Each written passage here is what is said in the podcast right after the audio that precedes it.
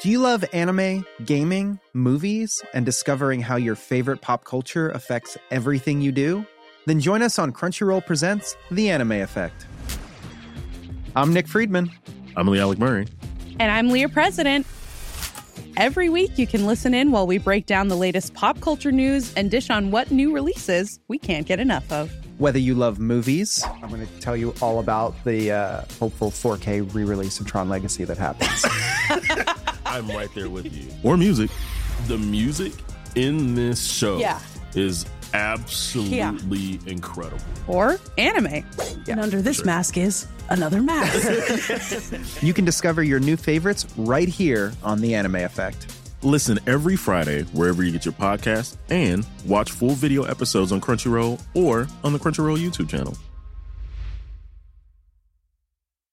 As a person with a very deep voice, I'm hired all the time for advertising campaigns. But a deep voice doesn't sell B2B, and advertising on the wrong platform doesn't sell B2B either. That's why, if you're a B2B marketer, you should use LinkedIn ads. LinkedIn has the targeting capabilities to help you reach the world's largest professional audience.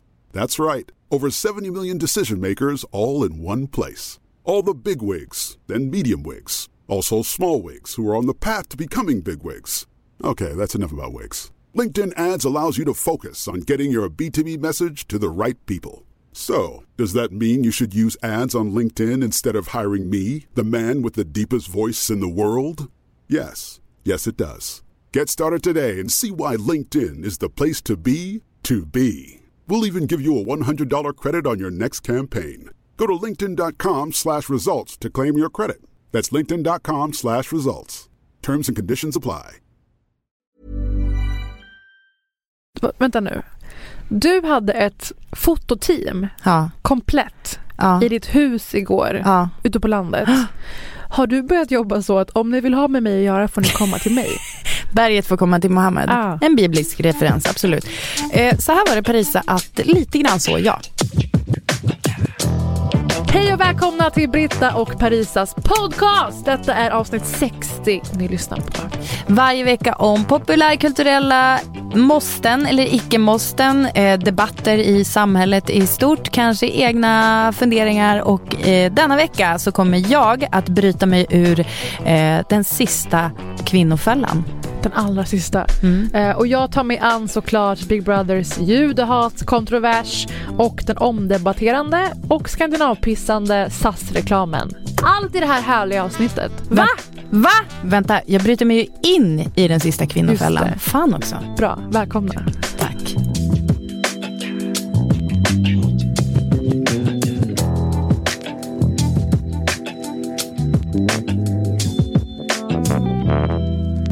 Är ju dagen det här släpps så är det vår andra semifinal, min och Gunnar Wetterberg. Ja, er andra i livet alltså, inte den här säsongen. Just det.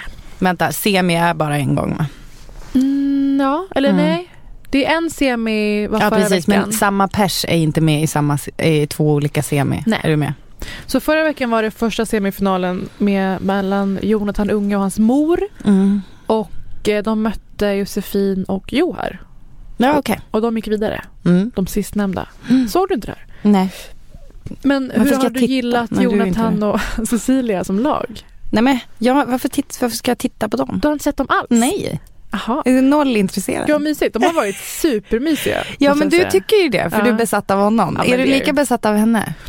Ja, alltså det, har ju förekommit skavigheter men jag tycker att hon i tv är väldigt mysig. Mm, okej. Eh, och nu i alla fall ikväll om vi ska säga så, som att det är fredag, Mm.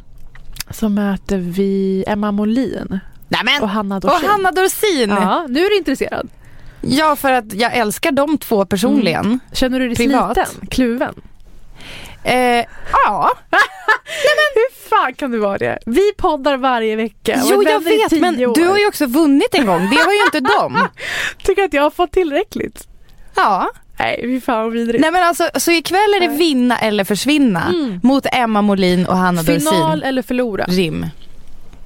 Hur tycker du det ska gå då? Vad har du för poäng? eh, Sia om poängen Britta. 26-22 till dem. Men vad fan, det var det lägsta. Vi har aldrig Jag fått under 30 för det första. Nej, men det är en svår omgång. De vinner med 26 Ja. och vi förlorar med 22. ja. Du hatar oss. Nej, jag hatar er Jag inte. tror att du Britta... Nej, men du, de, jag tror att de kommer dunka in på någon så här, oti, så här någon riktigt konstig som kanske Hanna Dorsin har varit på semester i. Mhm. Eh, och liksom där kommer hon att kunna både en 10-poängare och sen också alla följdfrågorna. Alltså frågefilmen eller vad det jag heter. hör är att du tycker att det, det räcker för Parisa nu. jag tycker det. Ja. Alltså jag tycker så här, you had a good run. Du och sen hade- så, typ, men så unnar jag dem, ja men fatta för, alltså Emma Molin och Hanna Dorsin, den ena, hon får liksom alltid bara höra att hon är gift med Henrik Dorsin, även om min pappa Mm. frågade om hon var hans dotter, vilket jag såklart sa till henne och det tyckte hon var Hur underbart. lycklig blev hon? Mm, Jätte. Och Emma Molin får alltid höra att hon är så här tjejen i Grotesco. Okej. Alltså båda de är på något sätt för, förtjänade av en egen, liksom, en egen statyett. Mhm. Det är det jag känner. Måste Får det man vara en På statyett? spåret då? Man får ju en sån där glob. Det bara, måste det vara min? Ja men lite, alltså så här, Måste de det är vara jätteroliga som komiker och skådisar. Ja. Och manusförfattare. Just det. Nej men eh, det känns som att du känner att nu har det varit så mycket prat om Paris. Alltså Parisa hon är smart, hon är med. Du sa det ju i Nyhetsmorgon också när du var med där. Mm. Mm. Paris hon vann ju På spår. Alltså jag är trött på henne. Vänta, nu ska vi se här. Jag sa, jag, det är sant att jag sa hon vann På spåret. Det där, jag är trött på henne. Nej. Ja, det, var, det har du lagt Det är till. inläst. Det har du lagt till. Så du är helt okej då med att vi Nej åker men ut? alltså förstår du också att bara för att jag inte tycker att du ska vinna nu betyder inte, att Inte jag ens gå inte tycker att final. du förtjänar, ja just det, det går till final också. Mm. Men alltså det är inte att jag inte tycker att du förtjänar det för vi vet alla Mm. att du har kunskapen som krävs för att göra det. Och det är också därför jag tycker det skulle vara så kul för dramaturgin om det var liksom en uppstickare som bara halloj. Och så går de till final. Du Ja, jag tycker det är roligt. här med- Innehållsmässigt Paris så är det ju Ja. en bättre film. Ska jag offra mig för dramaturgin? Ja, Den det kan stora jag, bågen. jag kan tycka det.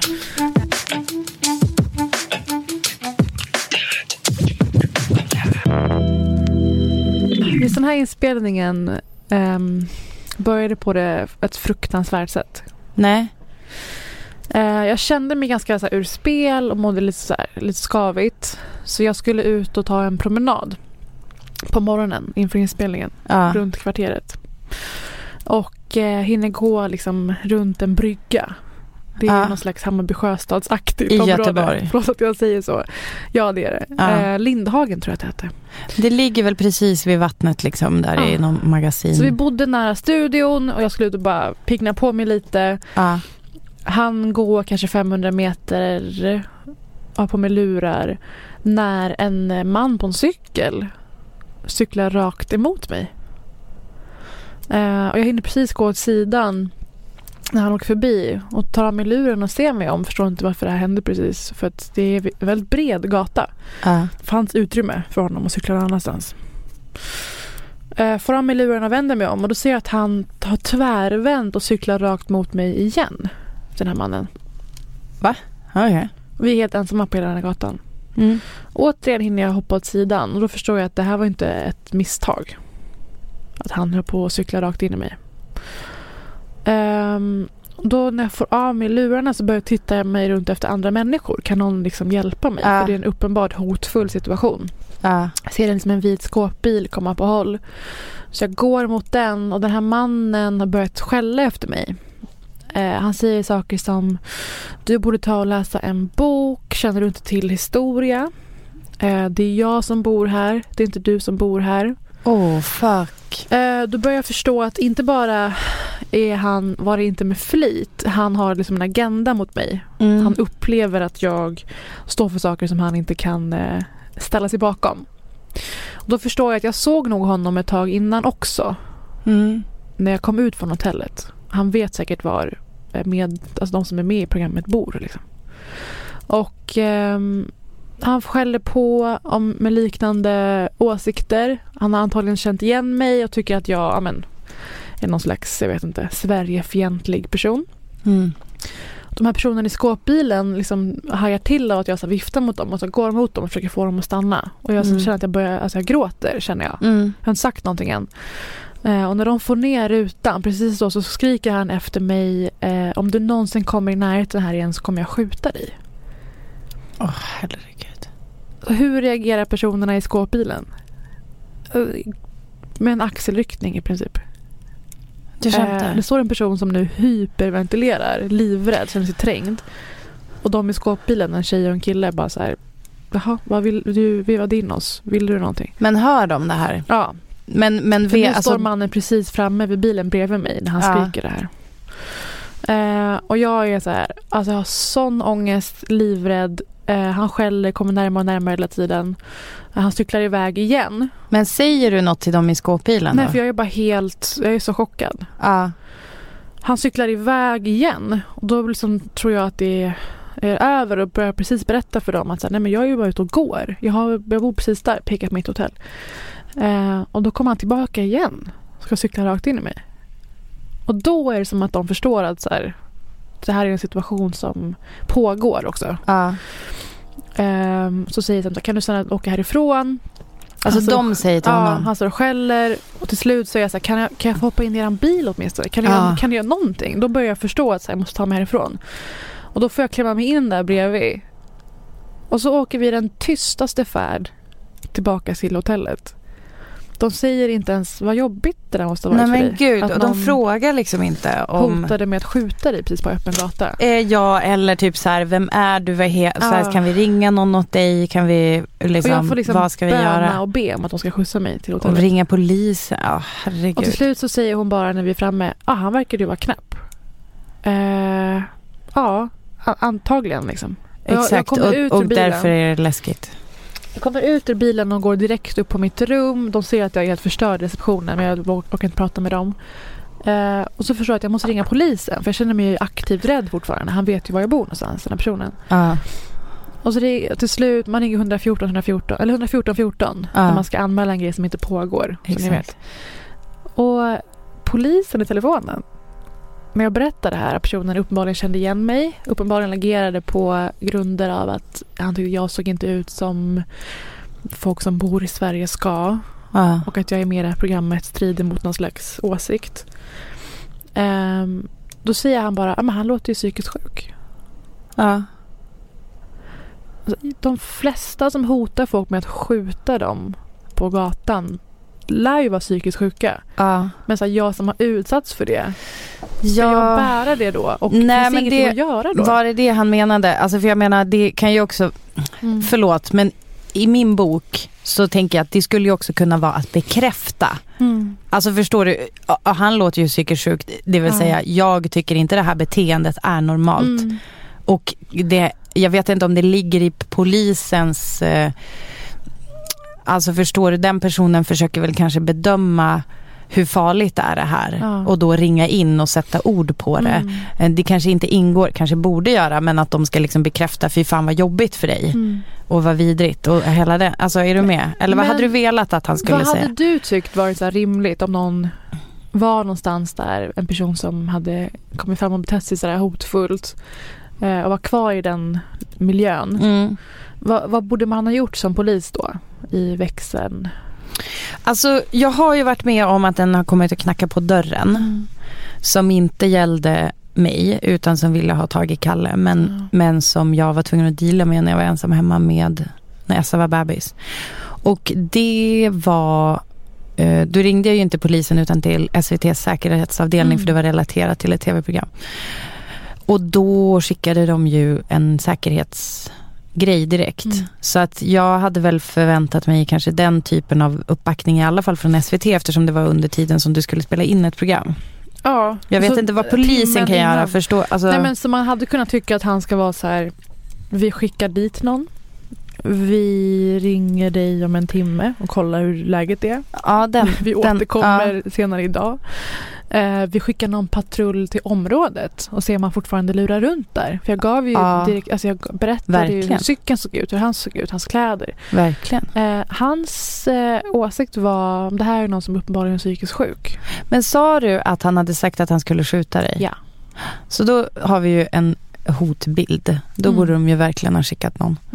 Ja, Men så jag fick bara lägga på, ta en dusch, åka till SVT-studion, ha den här erfarenheten färskt i kroppen. Fortfarande skakig och mådde jättekonstigt. Och jag berättade ju för Gunnar först eh, på kvällen sen. Mm. Eh, för han hade märkt att någonting var fel. Mm. Och han blev ju så här, varför sa du ingenting till mig? Och för att när man får det här bemötandet av myndigheten som ska finnas till för att skydda alla människor i samhället. Ja. Då känner man ju, så vem är jag att tycka Mm. att jag ska kunna gå på gatan utan att bli hotad med att någon ska skjuta mig? Mm. Man trycker ner det där. Så även någon som jag som ganska ofta är ute och vevar om de här frågorna Mm. känner att jag ganska snabbt liksom vek mig. Bara, Men för det blir väl också så här när du säger så här, okej, grej pågår. Mm. Och då att det i någon annans ögon bara är så här, ja okej, det, det blir inte så att den personen vänder upp himmel och jord och bara, herregud hur fan kan det här pågå? Ja. Du måste få hjälp. Utan den bara, ja nej, det, den är nog psykiskt sjuk och Mm. eh, typ, vad, hur avslutades samtalet? Tack och hej. Alltså var hör, det, hör av dig igen om det skulle hända igen. ja det var så det var. Så då, och då får du ju också veta Mm. att det, är, det här är faktiskt, det här är rimligt att det Exakt. händer dig. För att den, den som du berättar det för Mm. bara, ja, Så What det var någon slags, någon slags, gaslighting på myndighetsnivå. gud ja. Eh, så nu, alltså om ni kollar ikväll eller om ni har sett redan. ja. Jag ska ju försöka eh, ge den här upplevelsen en annan värdering. Kolla med vänner och familj. ja. eh, den här semin. Men alltså, när jag såg pressbilderna de skickade till mig så bara kände jag så här, jag visste hur jag mådde då, vad jag hade varit- med om. Och jag hoppas att det är sista gången jag är med om det där. ja. Ehm, men jag är så extremt besviken på bemötandet jag fick. Och eh, alltså less på att det ska vara så här. Det, jag förstår det Mm. och jag undrar, fick du något, eh, berättade du för produktionen? Alltså Nej, fick du någon? fortfarande ingenting. Nej. Nej. Alltså du har inte ens sagt något? Nej.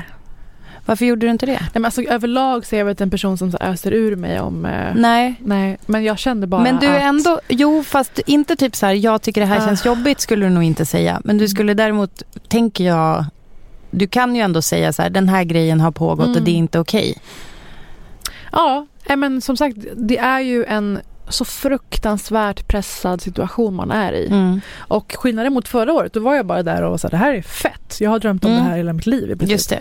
Vad kul så- att få vara med. Ja, och sen de reaktioner som kom efter det. Då var det Mm. ganska obehagliga, mörkna åsikter. Även från etablerade poddar som Mm. ligger på Spotify. Mm. Heads up. Eh, så då, då bär man det med sig och känner så här, men vem är jag att... Alltså det, det sätter sig så fruktansvärt snabbt. Mm. Så min fråga till dig Britta nu. Hejar du fortfarande på Emma och Hanna? Jag ville säga det, alltså för det känns ju, när du har dragit den här historien så, så är det ju som att, eh, och så ska man tänka så här att du i det där då pallar dig in i en studio som inte är, alltså det kan vara nog ansträngande att vara Utsatt. bara i en studio. Ja. Nej men alltså att bara vara i så här, nu ska jag göra ett tv-program och vara i en studio, Mm. det är publik och hej och hå. Man kan, man kan bli uppstressad över annat. Och så har du liksom precis innan varit med om det här vidriga, vidriga som du absolut inte skulle behöva uppleva. Och så går du in i studion och så ska du liksom vara med i en gameshow och så ska du så här anstränga dig och så här göra det så det blir underhållande och liksom Ja. ändå prestera bra. Och det viktigaste, viktigaste för dig eh, är ju ändå att, att vinna. Och jag vill att vi med allt det har, har vi med oss, Mm. så då vill jag säga for the record, att jag hoppas att Emma Molin och Hanna Dorsin vinner. Jag, jag vet att du säger det bara för att du vill vara snäll mot dem. För att de lyssnar på podden. Hej Emma, hej Hanna. Hur är läget? Ni förtjänar verkligen att vinna. Lycka till, Kör över Parisa lycka bara. till ikväll.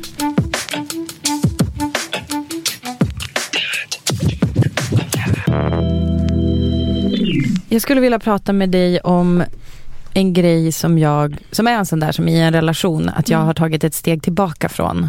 För att det är liksom en annan som bara, I got this. Och då har jag inte ägnat mig åt det. Och det är matlagning. Absolut. Kära poddlyssnare, Ah. nu ska vi prata om detta ämne som för många är typ så här, åh det är så härligt att vara intresserad av mat. Och, för, och jag bara känner så här, kring det. Jag känner som att snaran dras åt runt min hals typ. När, det, när så här, eh, foodies eller eh, så här, älska mat kommer på tal. Du, det här tänkte jag på häromdagen. Varför då? För att jag följer ju några sådana här konton. Mhm. Jag tycker om att äta mat Mm. mer än att laga den. Det gör jag med. Ja. Och det finns ju en, en våg nu, det är kokböcker, det är så matinfluencers på ett annat sätt. Och då känns det som att den här aspekten av mat i ett hushåll Mm. och just i ett heteroförhållande har Mm. lite glömts av. Mm, Eller det- är du... Ja, det är det jag är på gång Okej. mot. För, för då är det, så- alltså dels så har jag haft mat som fiende i det att jag har Mm. varit, inte kunnat hantera det på rätt sätt, har hetsätit och varit ätstörd och så här. Hej och hå. Det är en del av min bakgrund. Det orkar jag inte gå in på mer just nu. Jag vet att jag får en massa DMs om att prata mer om det här, men det eh, kommer inte hända nu. Men i alla fall så sen i den här relationen som jag har, så det börjar faktiskt i, på min och Kalles absolut första dejt. Så deklarerar jag tydligt, jag var lite osäker på om det var en dejt eller inte. Men jag bara, eh, då, då var det som att han bara, jag fixar vin och typ, jag bara okej jag fixar mat men obs, jag kan inte laga mat så det kommer bli något äckligt. Förbered dig på det. Du så jag bara, ribban på just marken. putting it out there. Så här. Och då är inte det att jag är helt handikappad när det gäller att laga mat. Jag, jag fick ändå lära mig det ganska tidigt för att jag var vegetarian och på den tiden så var det att föräldrarna bara om du ska vara vegetarian då får du lära dig laga Ja. mat själv när man är typ 12.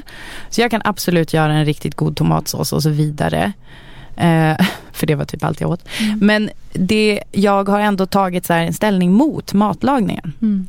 Och eh, i mina förhållanden så är det liksom killen som har varit intresserad av mat och ser till att göra det och jag har bara sagt att jag inte kan. Ja. Och jag inser, jag har insett på sistone nu att det är ganska mycket att jag typ vill positionera mig mot den, eh, den kvinnofälla som jag faktiskt tycker att det är. Och det har varit ett, en, ehm, liksom en, eh, ska vi säga ett fusksätt att bara kliva ut, ta sig själv ur den pusselbiten i jämställdhetspusslet. Eh, Så hemma hos mig och Kalle så har det alltid varit han som lagar exakt all mat. Mm. Tills nu. För nu har det hänt en grej som är tre olika saker som har fått mig att närma mig köket. Här, för mig börjar det nog lite i när jag fick barn. Att där börjar jag, dels att man är he- ensam hemma ganska mycket med barnet. Mm. Alltså man turas ju om att vara det och då tvingas ju jag att laga mat. Så jag har liksom där börjat göra så här zucchiniplättar och Mm. sånt där. Alltså hållit på. Och då har jag liksom insett så här, ah, jag är inte så, inte så himla värdelös på att laga mat. Eh, men det har ändå fortsatt att Kalle är den som planerar och köper in och sånt där till alla ma- mat, måltider. Så att det är väldigt mycket i händerna på honom. Men på sistone så Kanske på grund av den här inf- matinfluencersvågen som du säger kommer. Eh, så har jag liksom tre tydliga saker som jag kan peka på som har förändrat mitt sätt att se på matlagning och faktiskt fått mig att typ vilja vara i köket. Och det är nummer ett. eh, faktiskt eh, Sofia Wood. Och Sofia Wood är alltså det här, vi har liksom en historia. Jag scrollade tillbaka till ett sms jag skickade till henne innan vi kände varandra. Jag tror det är kanske tre år sedan. Mm. Eh, när jag bara, eh, hej, vi, jag bara, hej, hej, det här kanske är konstigt men har du något bokkontrakt? Hon bara, nej. Jag bara, eh, jag pratar med min förläggare om dig, så här, för du borde verkligen göra en bok. Och det ro- alltså, grejen är då att jag var på ett möte för att göra en bok till mig. Mm. Men jag bara, fast vet du, jag har också den här och jag har liksom gjort en powerpoint och Åh, allt. herregud. Och bara så här, Sofia Wood, haffa henne. Så här. du bara för också jag- gav bort den idén. Tog ingen procent på det direkt. Alltså hur hade jag kunnat göra det vet jag inte. Men i alla fall så, och så sen så, eh, ja men för jag har följt hennes Instagram och, och obs i flera års tid Mm. har jag liksom bara följt och inte lagat själv. Men det som jag gillar med henne och varför jag då tycker att det ska vara en bok och nu är det ju en bok. ehm, är att jag eh, eh, hon har ett sätt att göra så att det faktiskt verkar lätt. Ja. Och hon är så här, det är inte så noga. Alltså, oj, så här, gör det här receptet med zucchini. Har du inte zucchini hemma, släng i lite eh, tomatsås istället. Alltså du vet, det kan vara något helt annorlunda. Det är bara så här, det här är mer en tanke om någonting du kan laga i en stekpanna med ägg. Tillåtande. Ja, det är väldigt, väldigt tillåtande. Eh, så Sofia Wood tycker jag jätte- jättemycket om. Jag gissar att väldigt många av våra lyssnare säkert redan följer henne. Men hon är ju också dessutom en väldigt sympatisk person. Och det är så här, hon, varje söndag så lagar hon mat och i, i stories får man liksom hänga med på det där. Och, ja, jag tycker att hon gör det väldigt, det är väldigt prestigelöst. Mm. Och jag tror att det är också det som skrämmer bort mig. Att det är som att det ska vara så himla på en pedestal, typ där uppe, där är matlagningen och det ska vara så här köket är där jag släpper fram min kreativitet. Man bara, eller så är det bara, nu behöver vi äta lunch. Vad har vi hemma? Och det tycker jag hon är bra på. Sen så har jag hittat en annan otrolig favorit som heter Alison Roman. Känner du till henne? Nej. Alison Roman är New York Times typ matskribent.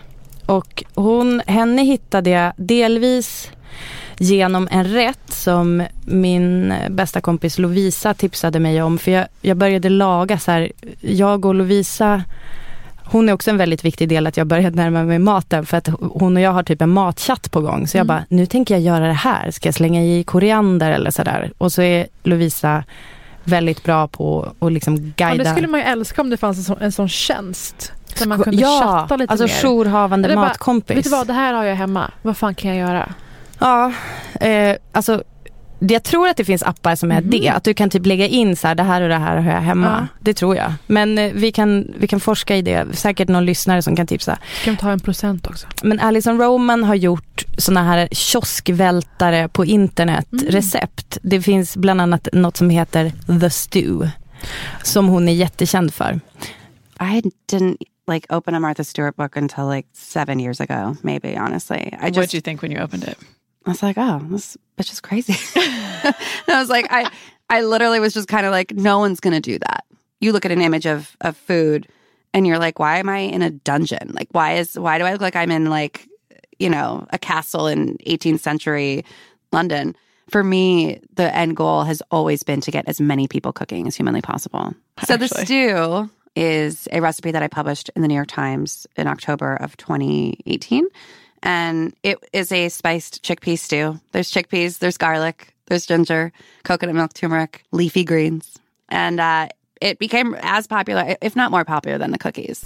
Lovisa tipsade mig om den här och, och så, sen så hittade jag en krönika som har skrivit som verkligen träffade så här rakt i magtrakten. Som är då på New York Times som heter It's not entertaining, it's having people over. För i USA så kallar man det, eller i England också, man kallar det för entertaining när man har hem Att gäster. underhålla. Ja, exakt. Och jag tycker att hennes filosofi kring det här är så fruktansvärt bra. Eh, för hon skriver så här, bland annat då ett utdrag. For anyone looking for tips on how to fold linen napkins or create floral arrangements, I am not your girl. I don't have any clever hosting tips and I will not teach you the sec- secrets to mood lighting. But I will give you low stress and high impact recipes and ideas intended to make your life easier when you're cooking for others. Det är liksom bara, förstår du? Också här, hon är liksom bara... Det, Men det det, är här hör ju enkelt. till instagramifieringen av mat och livsstil och hushåll överhuvudtaget. Att allt ska vara fotovänligt. Absolut. Allt ska, alltså man bjud- bjuder över folk, då har man dels hur ens hem ser ut och hur bordet ser ut. Allt ska vara statusmarkörer på hur Sant. lyckad man är, hur man, hur man är put together och sådär. Så jag tycker att det kan få mig Vilket- för mycket ångest över mat. Ja, men Ja. vilket också tvingar oss i den här äh, Mm. kvinnorollen som vi har blivit givna. Ja, men Eller hur? också Alltså, vi för- pratade om för ett par avsnitt sedan som också är lukrativ numera. Ja. Alltså man det är vill ju, följa dem. och det unnar jag ju. Alltså, Mm. Jag unnar alla det som då helt plötsligt kan jobba hemifrån med det man tycker om jätte- jättemycket. Men jag menar om vi ändå säger att den första av de här kanske var ändå Lotta Lundgren. Kan vi vara överens när Absolut. hon startade bloggen om jag Mm. vore din hem, eller om jag var din hemmafru. Vilket hon just då, så här, hon var hemma med barn. Ja. Fånga i sitt eget hem, börja laga mat och goda grejer, slänga upp på internet. Och att hon då, jag menar jag älskar ju Lotta, jag känner Lotta, Mm. hon är en del av min extended family. Men det är ju en väldigt, väldigt tydlig kvinnoroll. Men det Lotta gjorde var ju att hon distanserade sig från frubegreppet. Om Precis. jag var din fru. Vi pratade om fru som status för två avsnitt sedan. Ja, Att frun är tillbaka tack Mm. vare Ebba Busch Thor och kompani. precis. Men frun är fortfarande en fru. Även Mm. i händerna på Lotta. Mm. Så är det ju, så här, man bara, fast vem, vem är det som ändå står vid spisen Mm. och gör det där som kvinnor alltid har gjort. Sen så kan jag tycka att absolut man kan höja statusen på det. Men det är någonting i det där som för mig och det har ju säkert jättemycket att göra med bara vad jag har växt upp med. Att så här, jag, just den bilden får jag lite panik av. Och jag tror att det är det som har gjort, det har hämmat mig Mm. och det har gjort att jag har hållit mig borta från köket. Men som du säger, som du är inne på, så är det ju ändå det så här, jag gillar att äta gott. Ja, det är det. Och då hindrar det ju mig från att se till att jag faktiskt får prick det jag vill ha. För att Eller då är ju drar- händerna på någon annan. Eller att man drar sig rent av från att bjuda hem folk. Det "Åh, också. Ska jag Nej, behöva, du vet, folk är så vana nu, vet, folk står och lagar mat en hel dag och att allting är så put together som sagt. Ja, och så är det så här frowned upon att catera typ. Ja. Alltså eh, jag skulle aldrig göra det. Jag vet inte ens vem men man ringer. Förlåt. Men liksom, alltså, Foodora hem någonting är väl det kod för? ja, exakt, exakt. Men det får man inte göra. Så då blir det som att jag inte bjuder hem folk. Eller får att jag- jag så här hetsar Kalle till någonting. Men får jag kila in anledningen Ja, till att jag har absolut. börjat laga mer mat ändå? Ja. Eh, jag pratar ju ofta om henne, det är såklart Chrissy Teigen. Alltså, Ja. Oraklet, fenomenet, underverket, Christine Teigen. Un- underbara människan som är numera, alltså hon blev ju queen eller mayor, borgmästare av Twitter för några år sedan. Utnämnd av dem själva för att hon är den största samtidskomikern vi har Hon är på. Twitter. Ehm, och hon är ju gift med John Legend också som kanske några av er känner till henne som tragiskt i så fall. Eh, och Chrissy har gjort mat till någonting eh, roligt och prestigelöst igen. Ja, har jag har ju köpt båda hennes kokböcker. Mm. Låt oss säga så här, de var kvar i en annan, ett annat land där jag bodde förut. Mm. Jag åkte dit bara för att du inte ville... hämta dem. Ja. Eh, väldigt tungt. Alltså tung som i kilo. Och för att jag i den här hade gjort massa noteringar och liksom roliga så här, texter runt hennes texter om mat. För de här kokböckerna hon har gjort, Mm. Cravings ehm, och Hungry for more. De är så roligt skrivna Mm. Om alla, liksom alla missöden i köket. Eller den här är till för när du har PMS och har gått ut hela dagen och hatar din kille. Alltså det är väldigt personligt allting. Mm. Varenda recept. Och det är så jävla lätt för att hon gör det på en dagisnivå. I princip för Mm. en. Kul. Så hon har fått mig att laga mycket, mycket mer mat. Men folk får ju alltid samma fyra rätter när de kommer till mig. För att jag håller mig till mina favoriter.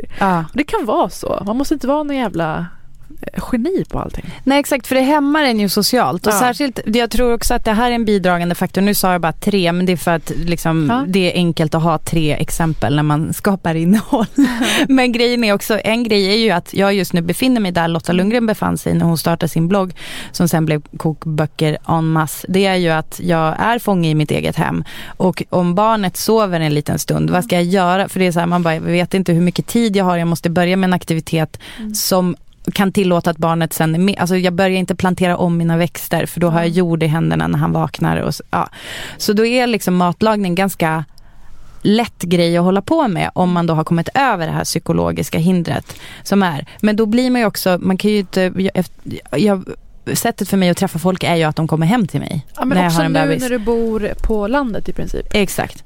Och så för att liksom toppa den här, nej, man kan säga att alla de här grejerna har som samlat på mig då, som har gjort att jag kanske har blivit lite stärkt. Så det som verkligen puttade mig över hindret för att faktiskt gå ut i köket och göra något, det var faktiskt en post som Elaine Welteroth la ut. Vet du vem hon Nej. är? Före detta chefredaktör på Teen Vogue, men hon har liksom blivit som en egen, ett eget eh, imperium, en egen influencer typ. Hon är, hon är ung, hon är en woman of color eh, och hon la upp att typ hon och hennes kille lagar mat tillsammans. Och det var typ det fulaste, tråkigaste jag sett. Och så kände jag så här, eh, hon har typ miljontals följare. Så kände jag så här, nej men hon lägger inte upp det där på någon himla ribba, att det ska vara så himla snyggt och eh, linneservetter och, och vackra blomsterarrangemang. Utan hon bara, här är jag och min snubbe i köket och så lagar de en typ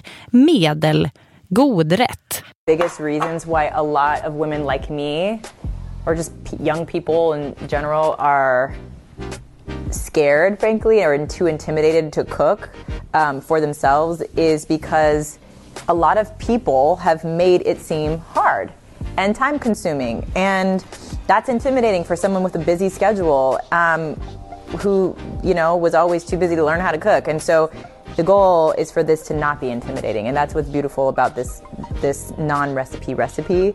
Um, there are no rules, and I'm probably not using the right knife. And guess what? It's okay because it's still gonna cut this mushroom, and this mushroom's still gonna taste good. Men det var liksom bara, ah, där var det. Och då kände jag bara, då kan jag också göra det. och typ erövra ett... Nej men blir det som att jag kliver på henne, hennes kropp för att... vänta. Nu, nu inser jag när jag säger det här att det kanske blir så för att jag mår så här, jag typ göttar mig lite åt att hon gjorde så fult så då Mm. tänker jag jag kan i alla fall göra bättre än det när jag lagar mat. Men Man so kan be behöva it. någon som sänker ribban så man kan vinna över någon. Faktiskt. Ja. Så skål för det.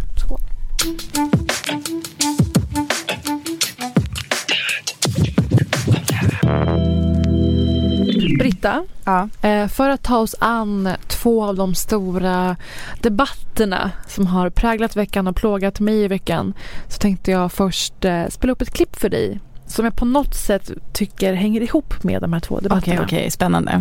Du kommer aldrig ana och så Nej, vidare. jaha. Berätta vad du ser här.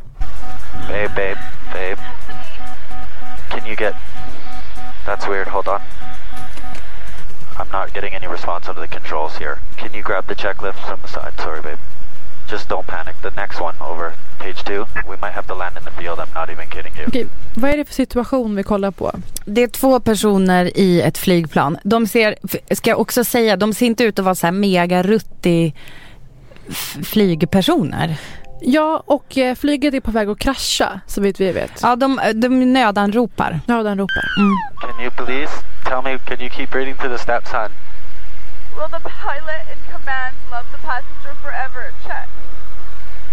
Keep going, babe. Will you marry the pilot in command?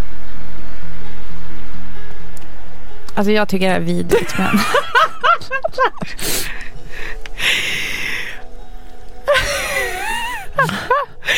Så det började som Va? att... Det är GoPro-reklam! Ah, nej, var det det? Så det började alltså som att de skulle behöva kraschlanda i den här helikopterflygsaken. Ja. Eller hur? Det såg du. Vad hände Mm. sen Britta?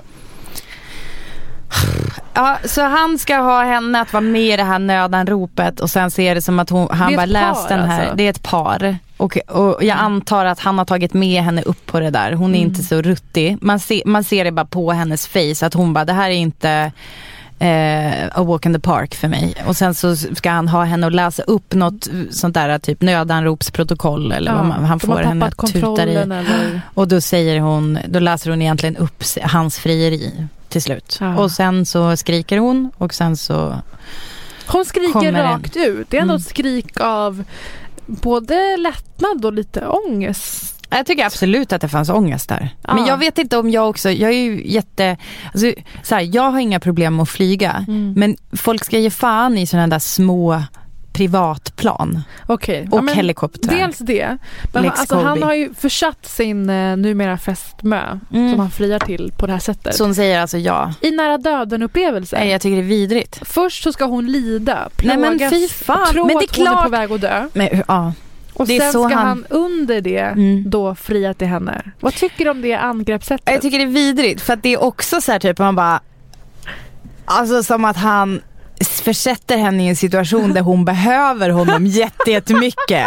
Hon behöver honom till att ratta det där planet till säkerhet och hon bara well I guess typ jag, I owe you my life. Alltså även fast hon vet att det är ett prank så är det ändå känslan som är i hennes kropp. Jag tycker det är vidrigt, jag tycker det är vidrigt att utsätta henne för det.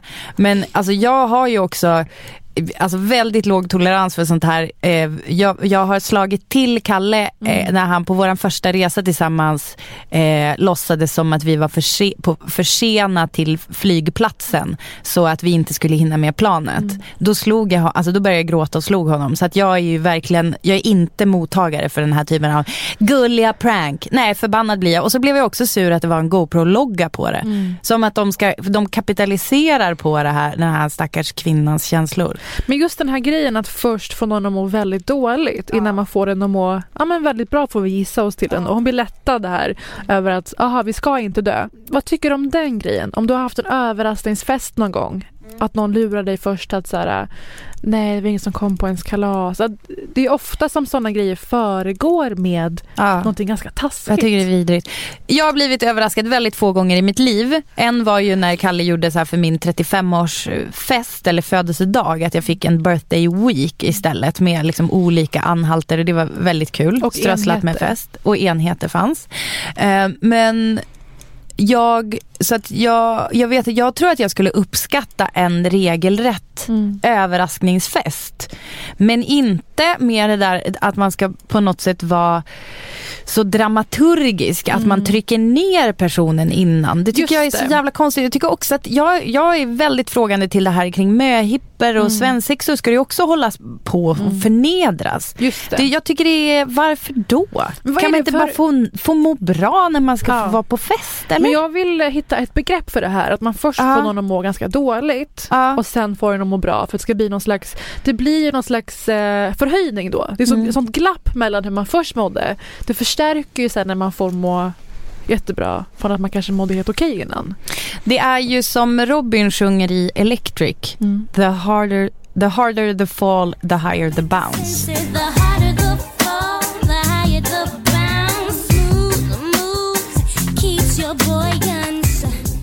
Coolt. Mm.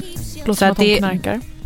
Ja, nej men precis. Alltså det kan man ju fatta. Ju hårdare du slänger Ja. studsbollen i golvet desto högre fart får den ju på vägen upp. Det är väl den taktiken som folk använder här. Studshöjd. Men jag tycker inte att det är nice. Vad, hur har debatten sett ut kring det här? Vad tycker Alltså det här folk? är ju numera liksom bara romantiskt. Att. Nej. nej, hon, ska inte, hon behöver inte dö en helikopterdöd. Hon ska få gifta sig med en prankarkille. Kan du förstå lyckan Britta? Eh, ja, men, och att allt ska bli content på något sätt. Och att man ser någon plågas först så blir det liksom roligare sen. Jag kommer att tänka på push-pull. Ja. Nej, det är eh, i psykologin eller i relationer när någon är eh, hot and cold. Mm. Och att man då blir väldigt, väldigt mottaglig för när någon plötsligt är varm och snäll igen. Mm. När den har varit um, avståndstagande och kylig. Mm. Läx alla mina relationer. Men eh, det här Ska, jag vill kolla sen om du förstår varför det här har att göra med nästkommande två debatter jag vill bolla med dig. Jag vill Okej, vädra dem med dig, kul. som har hänt i veckan. För du, visst var du jude sa du? Ja. Jag har ganska många tatueringar. Om vi bara pausar det här otroligt förtrogna samtalet som sker. Britta, vad ser vi här istället då? Här ser vi två deltagare i årets Big Brother. Eh, och jag vill att vi ska pausa en liten stund och bara tänka på vilken fruktansvärt ful inredning Big Brother-huset har. Alltid. Såklart, på förekommande anledning så har debatten handlat om något helt annat Mm. gällande det här huset. Och det är redan väldigt skandalomsusat kan vi säga. Ja. Men låt oss bara, alltså fy fan, varför måste det se ut så här? Varför måste det vara så här?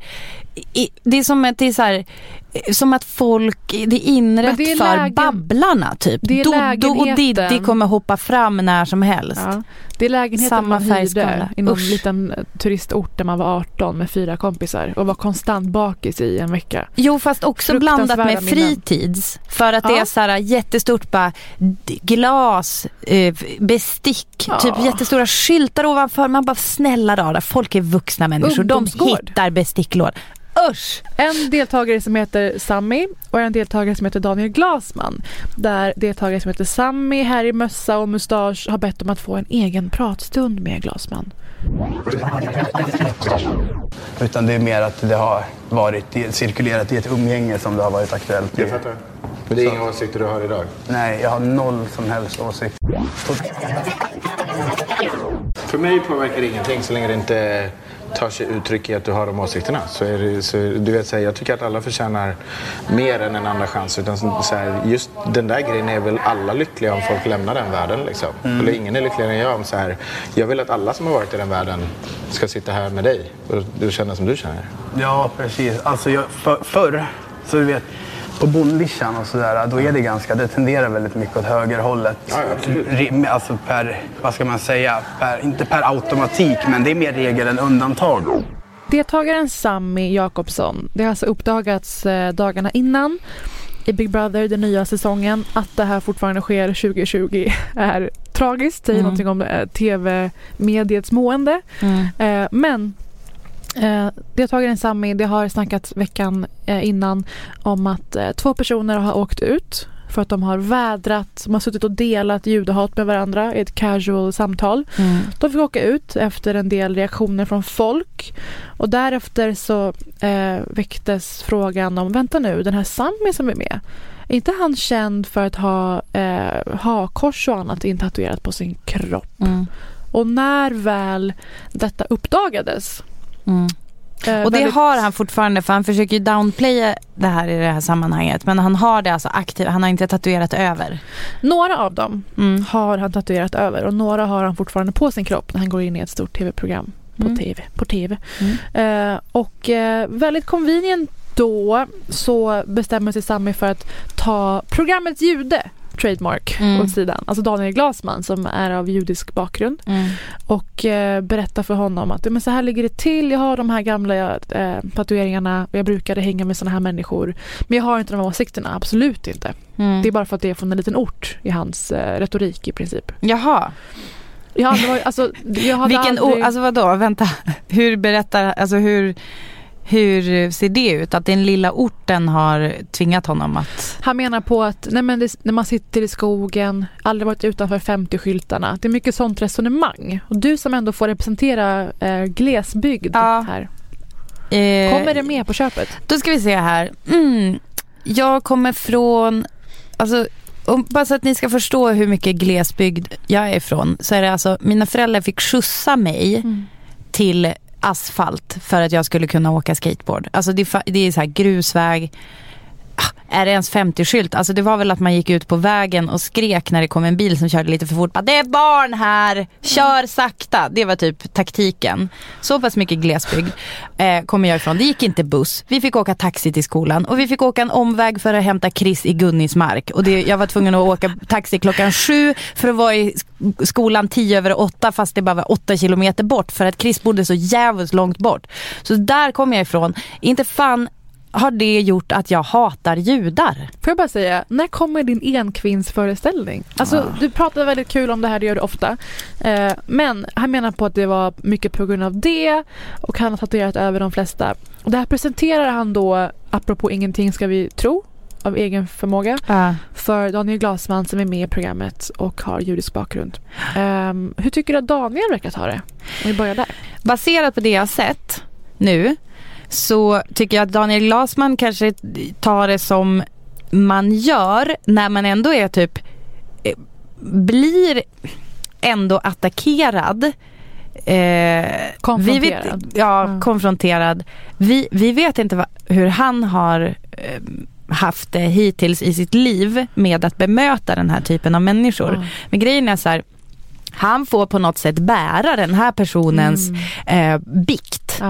Så, så den här personen bara, ja det här har jag gjort förut och vad då antar jag söker någon slags eh, förståelse hos Daniel Glasman eller en, kanske en förlåtelse eller någonting. Men han försöker ju liksom bara typ jag tycker att han ser ut som att han lite grann försöker typ säga något så att, han in, så att det inte blossar upp ännu mer Ja. men liksom på ett artigt. Han är Men artig. Han är vi, artig. Vi ska ju tro att Big Brother, eller storheten i programmet är ju att de där inne vet ingenting om omvärlden. Det ska vi tro. Ehm, och då vet de med andra ord inte om att det har varit en sån debatt om det här med Vet de varför de förra fick lämna för övrigt? Det har inte sagts rakt ut i programmet. Nej, okej. Ehm, och då hör det till att det här är en popularitetstävling. Det är alltså, män, alltså gemene man, publiken, Mm. röstar ut deltagare varje vecka. Så Daniel Glasman, väldigt stor sint, säger i den här stunden att eh, ja, alltså om det här inte är hur du, vad du står för idag, alltså jag tycker alla är värda mer än en andra chans. Så. Mm. Och då började jag tänka, hur hade jag själv mått eller reagerat? Som Mm. du säger, man måste ju bära ja. mycket. Och intellektuellt sett kan man ju känna, ja men folk behöver andra chans. Känslomässigt, om Glasman har varit eh, trakasserad, kanske misshandlad, Mm. utsatt på olika sa- sätt för att han är judisk i sin bakgrund. Då kanske det inte är lika lätt att inte vara så obekväm, tycka att det är obehagligt. Mm. Nu kanske han känner sig trygg för att han ändå har umgåtts med just den här killen av en slump eller vad man säger, de här dagarna fram till att det här hände. Ehm, men det läggs ju mycket eh, ansvar på honom hur han reagerar Precis. och tar det här. Det är det jag menar. Ja. Att han får liksom bära mer än sitt eget. Han får liksom bära hela situationen. Men så säger också Glasman att men om du gör det här för att du verkligen, alltså om du säger det till mig för att du verkligen vill dela med dig av det här till mig så är det en sak. Om du gör det här för att du inte vill slängas ut på måndag i utröstningen så är det en annan, sak. Så Daniel tar ändå höjd för att så här, det här kan vara Mm. e- genomskinligt. Mm. Det behöver inte vara det. Men det är där det har stannat lite, debatten. Jag såg det här och kände så här. How convenient att det både fanns en ex-nazist och en judisk person representerad i programmet i år. Mm. Man behöver inte ha jobbat med tv som du och jag har för att veta att bågarna, alltså vad som tänk, ska tänkas hända, Mm. inte sker först första inspelningsdagen. Utan man har suttit och tänkt ut dynamiken mellan olika karaktärer, vad som kan tänkas hända och ehm, det är ju inte en slump att det här sker. Och det är inte en slump att den här Sammy tar Glasman åt sidan heller. Utan det är säkert någon produ- producent, inslagsproducent i bikten som varit så här, du, gå och visa dina tatueringar för Glasman. Mm. Vi, alltså, vi, och, och de vet om att det finns ett värde i det, att kunna göra ett enskilt klipp av det. Mm. Det här är ett utklippt klipp som ligger uppe på TV4 Play. Mm. Och det är, allt det här är kalkylerat, Mm. Känner jag. Har du någon aning om varför jag kopplar ihop det här med förlovningsklippet i helikoptern? Ja, men tänker du, alltså, tänker du att producenterna eh, liksom gör det här mot tittarna? Att man skapar att det blir jobbigt för att sen blir det härligt typ. Och Ja. man därmed också knyter relationen tajtare på något sätt. Det blir ett push-pull förhållande. Mm. Att man känner att det blir som en mycket större vinst då. Kolla den här filmiska Mm. stunden när de blir sams. Mm. Blir så mycket mer värd Mm. när det har föregått av dramatik och friktion. Mm. Och inte osämja, men absolut kunde ha blivit osämja. Man var osäker på det.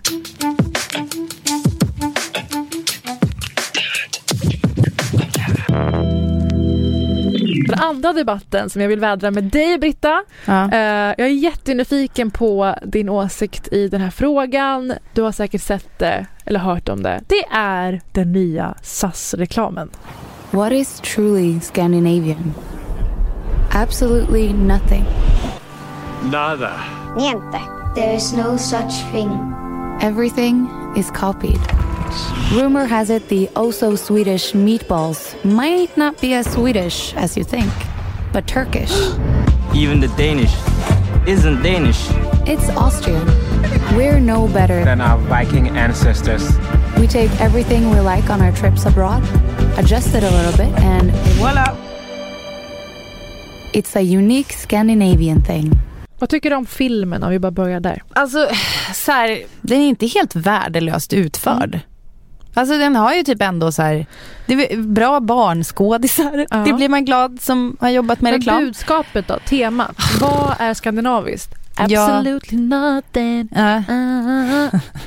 Varför jag liksom, jag måste typ ta en liten stund innan jag ens kan säga hur jag reagerar. För att jag är ju också från hållet där jag har gjort reklamfilm. Ja.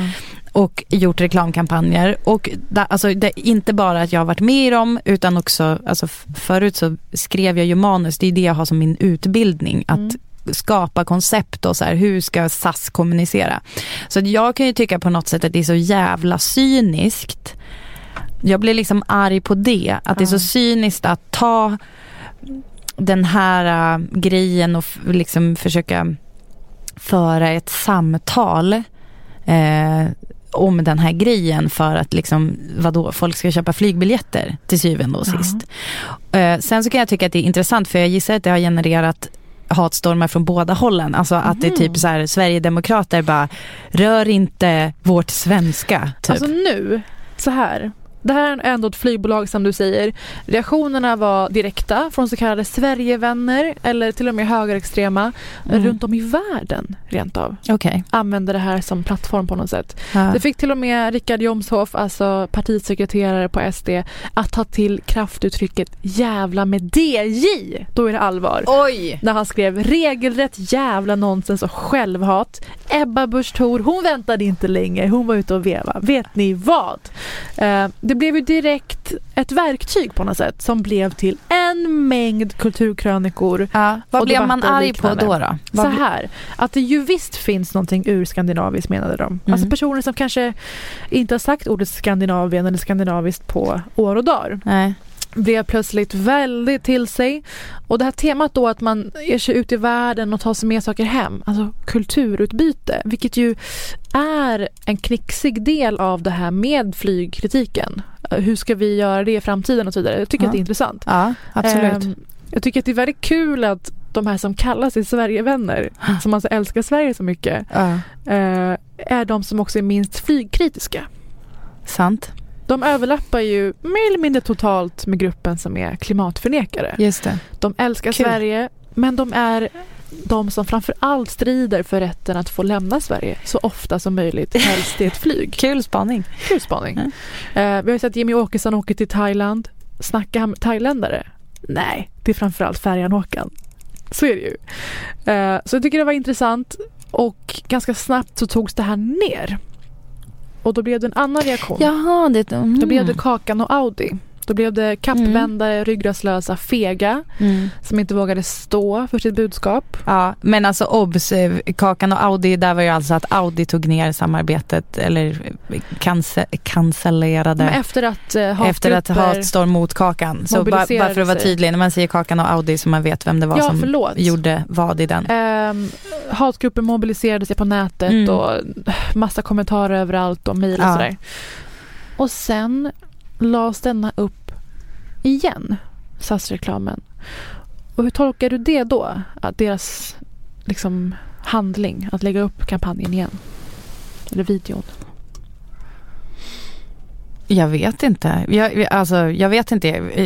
Alltså, Nej, men det blev spåna? ju som att de stod upp för sin åsikt då. Ja, precis. Och då blir Efter kanske lite att- krismöten internt och sådär. Men då blir det att Där grupper- reklambyrån bara, Ja. ni måste stå för det här nu. Ja. Då blir det att grupper som för en vecka sedan aldrig skulle backa SAS på något sätt, som alltså är de som kanske är mest flygkritiska just nu, kanske Ja. inte skulle alliera sig med ett flygbolag, Ja. fann sig liksom tycka att det var ganska starkt gjort av SAS. Ja. Och då kommer vi till att det är första gången jag vill kalla någonting för ett inverterat brunklick. Ja, intressant. Ja. Mm. Brunklick snackar vi om i podden när någon försöker liksom locka över de som är inne på avpixlat och liknande. Mm. Alltså det, de intressen de får kittlade på de här sajterna Mm. ska de få det på Expressen, Aftonbladet och sådär. Mm. Men det här brunklicket är ju det för att man först retar upp de här grupperna. Väldigt egentligen riktat mot de här grupperna på något sätt. Att de ska gå igång. Absolut. Hata på det här.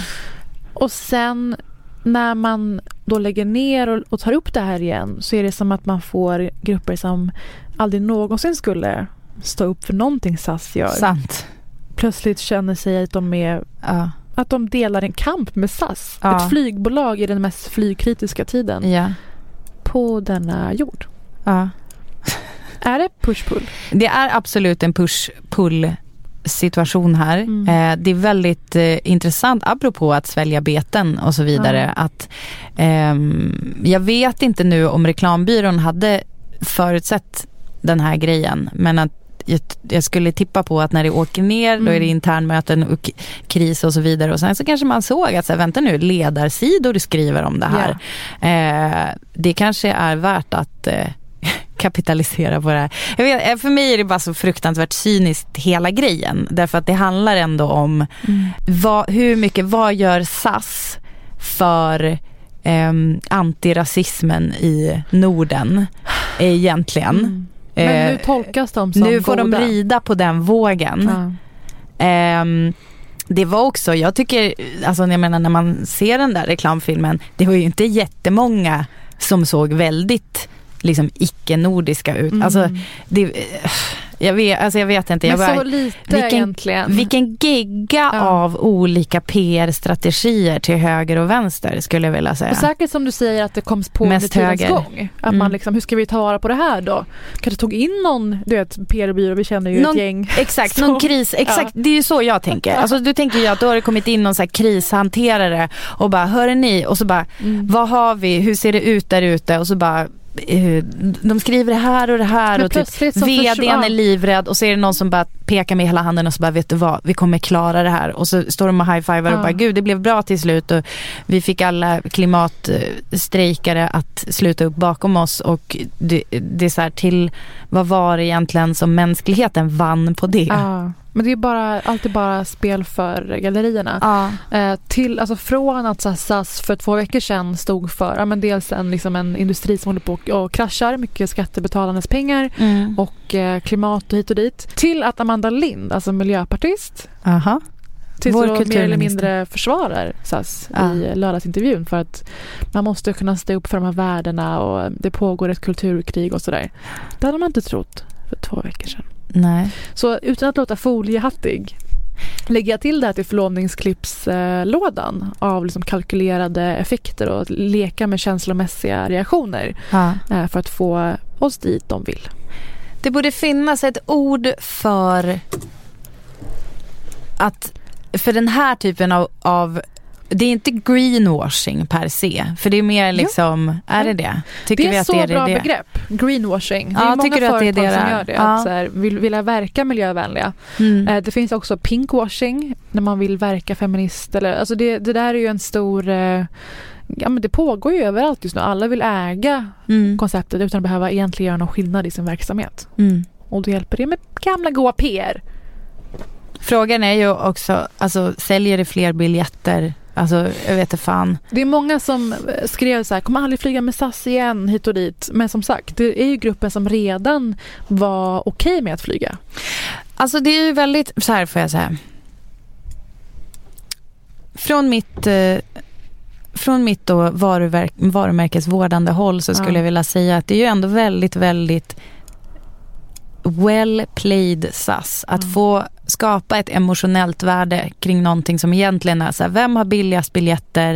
Eh, var, liksom, vilken flygplats är najsast att åka till? Helt plötsligt så känner väldigt många någonting för SAS. Mm. Eh, snyggt orkestrerat, eh, inte säker på att jag tycker om det överhuvudtaget. Nej. Så det är jättemånga som tyckte det här var, som du säger, cyniskt kalkylerat, också fegt och ryggradslöst och hit och dit. Men man ser ändå som att SAS står upp för goda värden.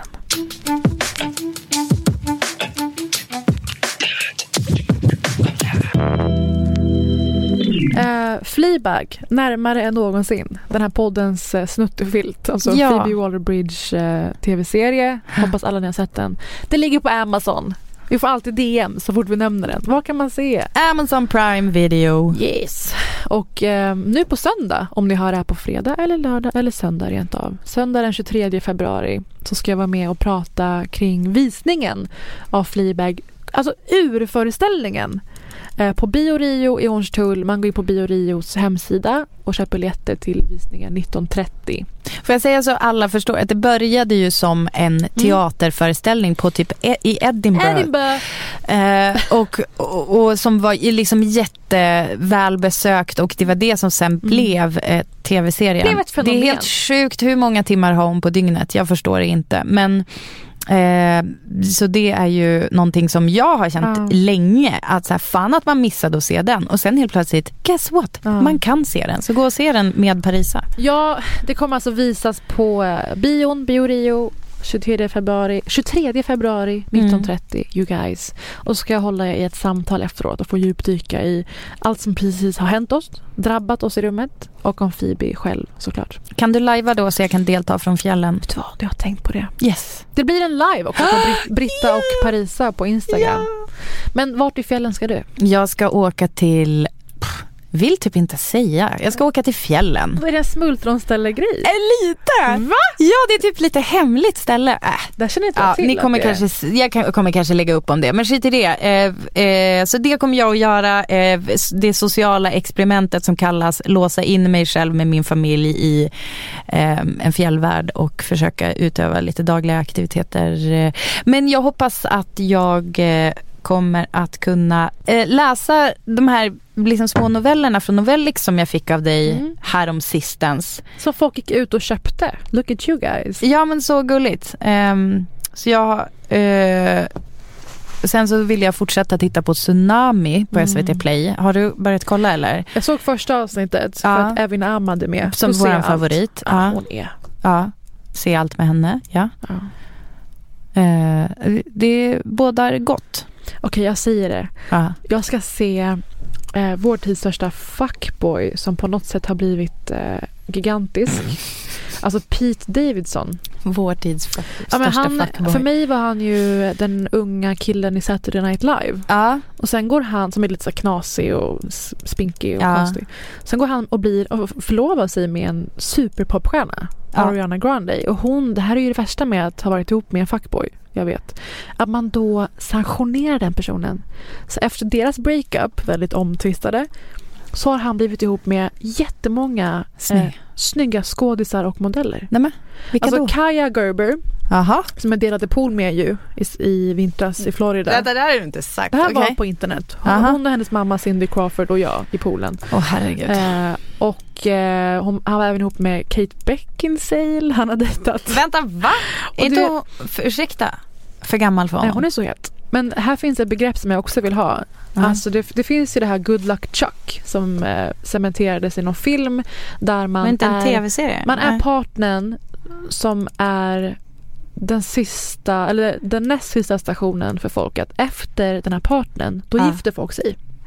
Aha, okej. Jag känner att man ibland har varit ihop med folk och som sen gör att tjejer tror att det här måste vara någon normal och skön. Mm. I och med att den var ihop med ett ex. Du har sanktionerat. Alltså, visst finns det ett ord här Mm. som vi borde kunna mynta. Så Ariana Grande var det här ordet för Mm. Pete som sen har blivit den här liksom ikonen. Mm. Och det var så mycket prat om hans Big Dick Energy. För att hon pratade ju väldigt mycket om hans utrustning. Aha. Ja, på Twitter.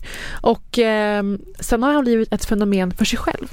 Och detta då med hans nya stand-up special såklart. en av tusen. Den Åh, kommer den herregud. 25 februari på Netflix. Jag ska kolla på den eh, tänkte jag. Och det kommer bli riktigt intressant att se vem han är nu efter de här senaste två åren av eh, Hallabaloo. Hallabaloo! Gud vad kul. Återkommer om det hoppas jag. Ja, men häng med oss på Instagram. Gör det. Och så hänger vi nästa vecka igen. Mm. För det är så det här funkar. Fan vad mysigt att vi tog oss igenom det här avsnittet även fast vi båda är liksom lite buckliga Alltså, idag. så sköra. Du är så skör så att du har liksom en, en löst sittande klänning, vilket är första gången jag ser dig med. Det är slöseri med godsaker. Det är slöseri, Ja, det är absolut. det. Det är sista Men du var väldigt fin. Tack, tack så mycket. Varsågod Sara. Tack så mycket. Tack. Tack för att ni lyssnar, vi älskar er. Puss och kram.